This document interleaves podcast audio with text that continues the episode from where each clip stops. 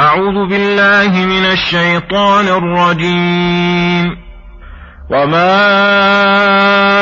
أرسلنا في قرية من نذير إلا قال مترفوها إلا قال مترفوها إنا بما أرسلتم به كافرون وقالوا نحن أكثر أموالا وأولادا وما نحن بمعذبين قل إن ربي يبسط الرزق لمن يشاء ويقدر ولكن أكثر الناس لا يعلمون وما أموالكم ولا أولادكم بالتي تقربكم عندنا زلفى إلا من آمن إلا من آمن وعمل صالحا فأولئك لهم جزاء الضعف بما عملوا وهم في الغرفات آمنون والذين يسعون في آياتنا معاجزين أولئك في العذاب محضرون. قل إن ربي يبسط الرزق لمن يشاء من عباده ويقدر له. وما أنفقتم من شيء فهو يخلفه وهو خير الرازقين. ويوم يحشرهم جميعا ثم يقول للملائكة أهؤلاء إياكم كانوا يعبدون قالوا سبحانك أنت ولينا من دونهم بل كانوا يعبدون الجن أكثرهم بهم مؤمنون فاليوم لا يملك بعضكم لبعض نفعا ولا ضرا ونقول للذين ظلموا ذوقوا عذاب النار التي كنتم بها تكذبون.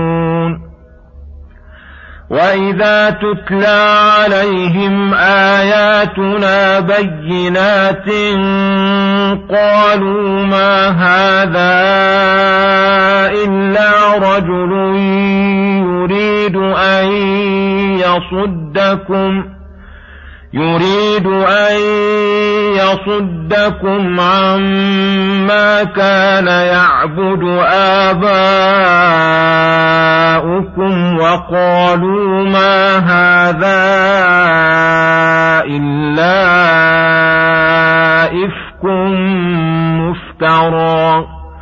وقال الذين كفروا للحق لما جاءهم إن هذا إلا سحر مبين وما آتيناهم من كتب يدرسونها وما أرسلنا إليهم قبلك من نذير وكذب الذين من قبلهم وما بلغوا معشار ما آتيناهم فكذبوا رسلي فكيف كان نكير؟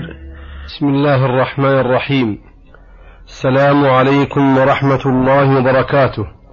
يقول الله سبحانه وما أرسلنا في قرية من نذير إلا قال مترفوها إنا بما أرسلتم به كافرون. الآيات.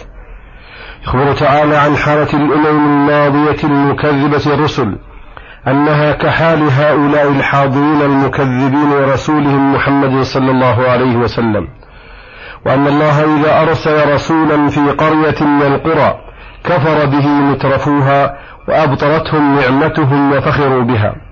وقالوا نحن أكثر أموالا وأولادا أي ممن اتبع الحق وما نحن بمعذبين أي أولا لسنا بمبعوثين فإن بعثنا فالذي أعطانا الأموال والأولاد في الدنيا سيعطينا أكثر من ذلك في الآخرة ولا يعذبنا.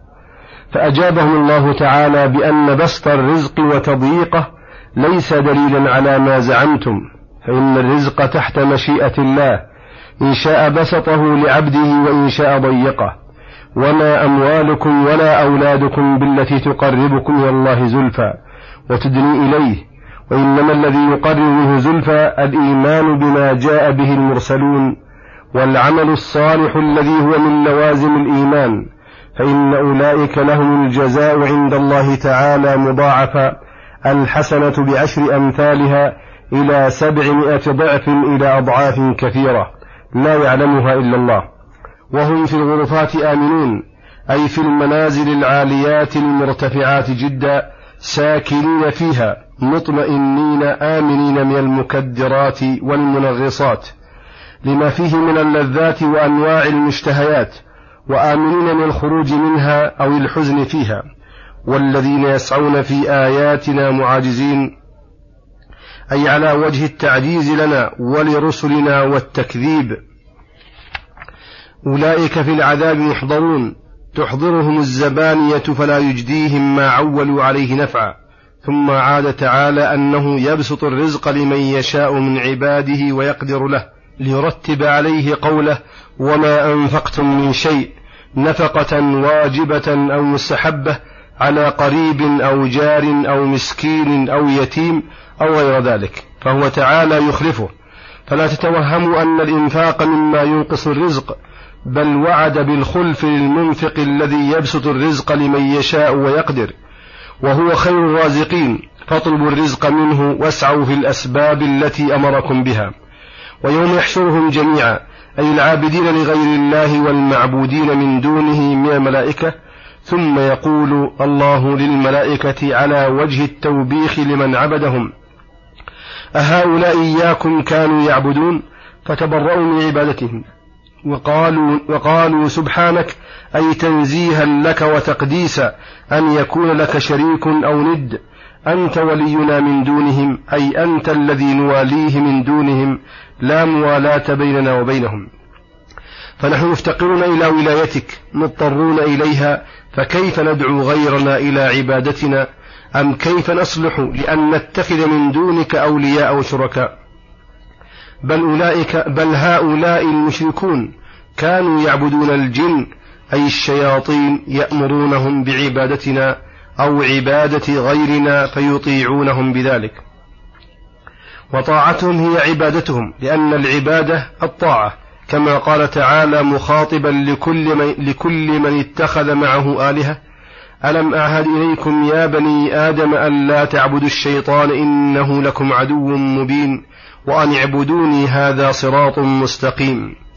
أكثرهم بهم مؤمنون أي مصدقون للجن منقادون لهم لأن الإيمان هو التصديق الموجب للانقياد. فلما تبرأوا منهم قال تعالى مخاطبا لهم فاليوم لا يملك بعضكم لبعض نفعا ولا ضرا. تقطعت بينكم الأسباب وانقطع بعضكم من بعض. ونقول للذين ظلموا بالكفر والمعاصي بعدما ندخلهم النار. ذوقوا عذاب النار التي كنتم بها تكذبون. فاليوم عاينتمونا ودخلتموها جزاء, جزاء لتكذيبكم وعقوبة لما أحدثه ذلك التكذيب من عدم الهرب من أسبابها. ثم يخبر تعالى عن حالة المشركين عندما تتلى عليهم آيات الله البينات وحججه الظاهرات وبراهينه القاطعات الدالة على كل خير الناهية عن كل شر. التي هي أعظم نعمة جاءتهم ومنة وصلت إليهم الموجبة لمقابلتها بالإيمان والتصديق والانقياد والتسليم.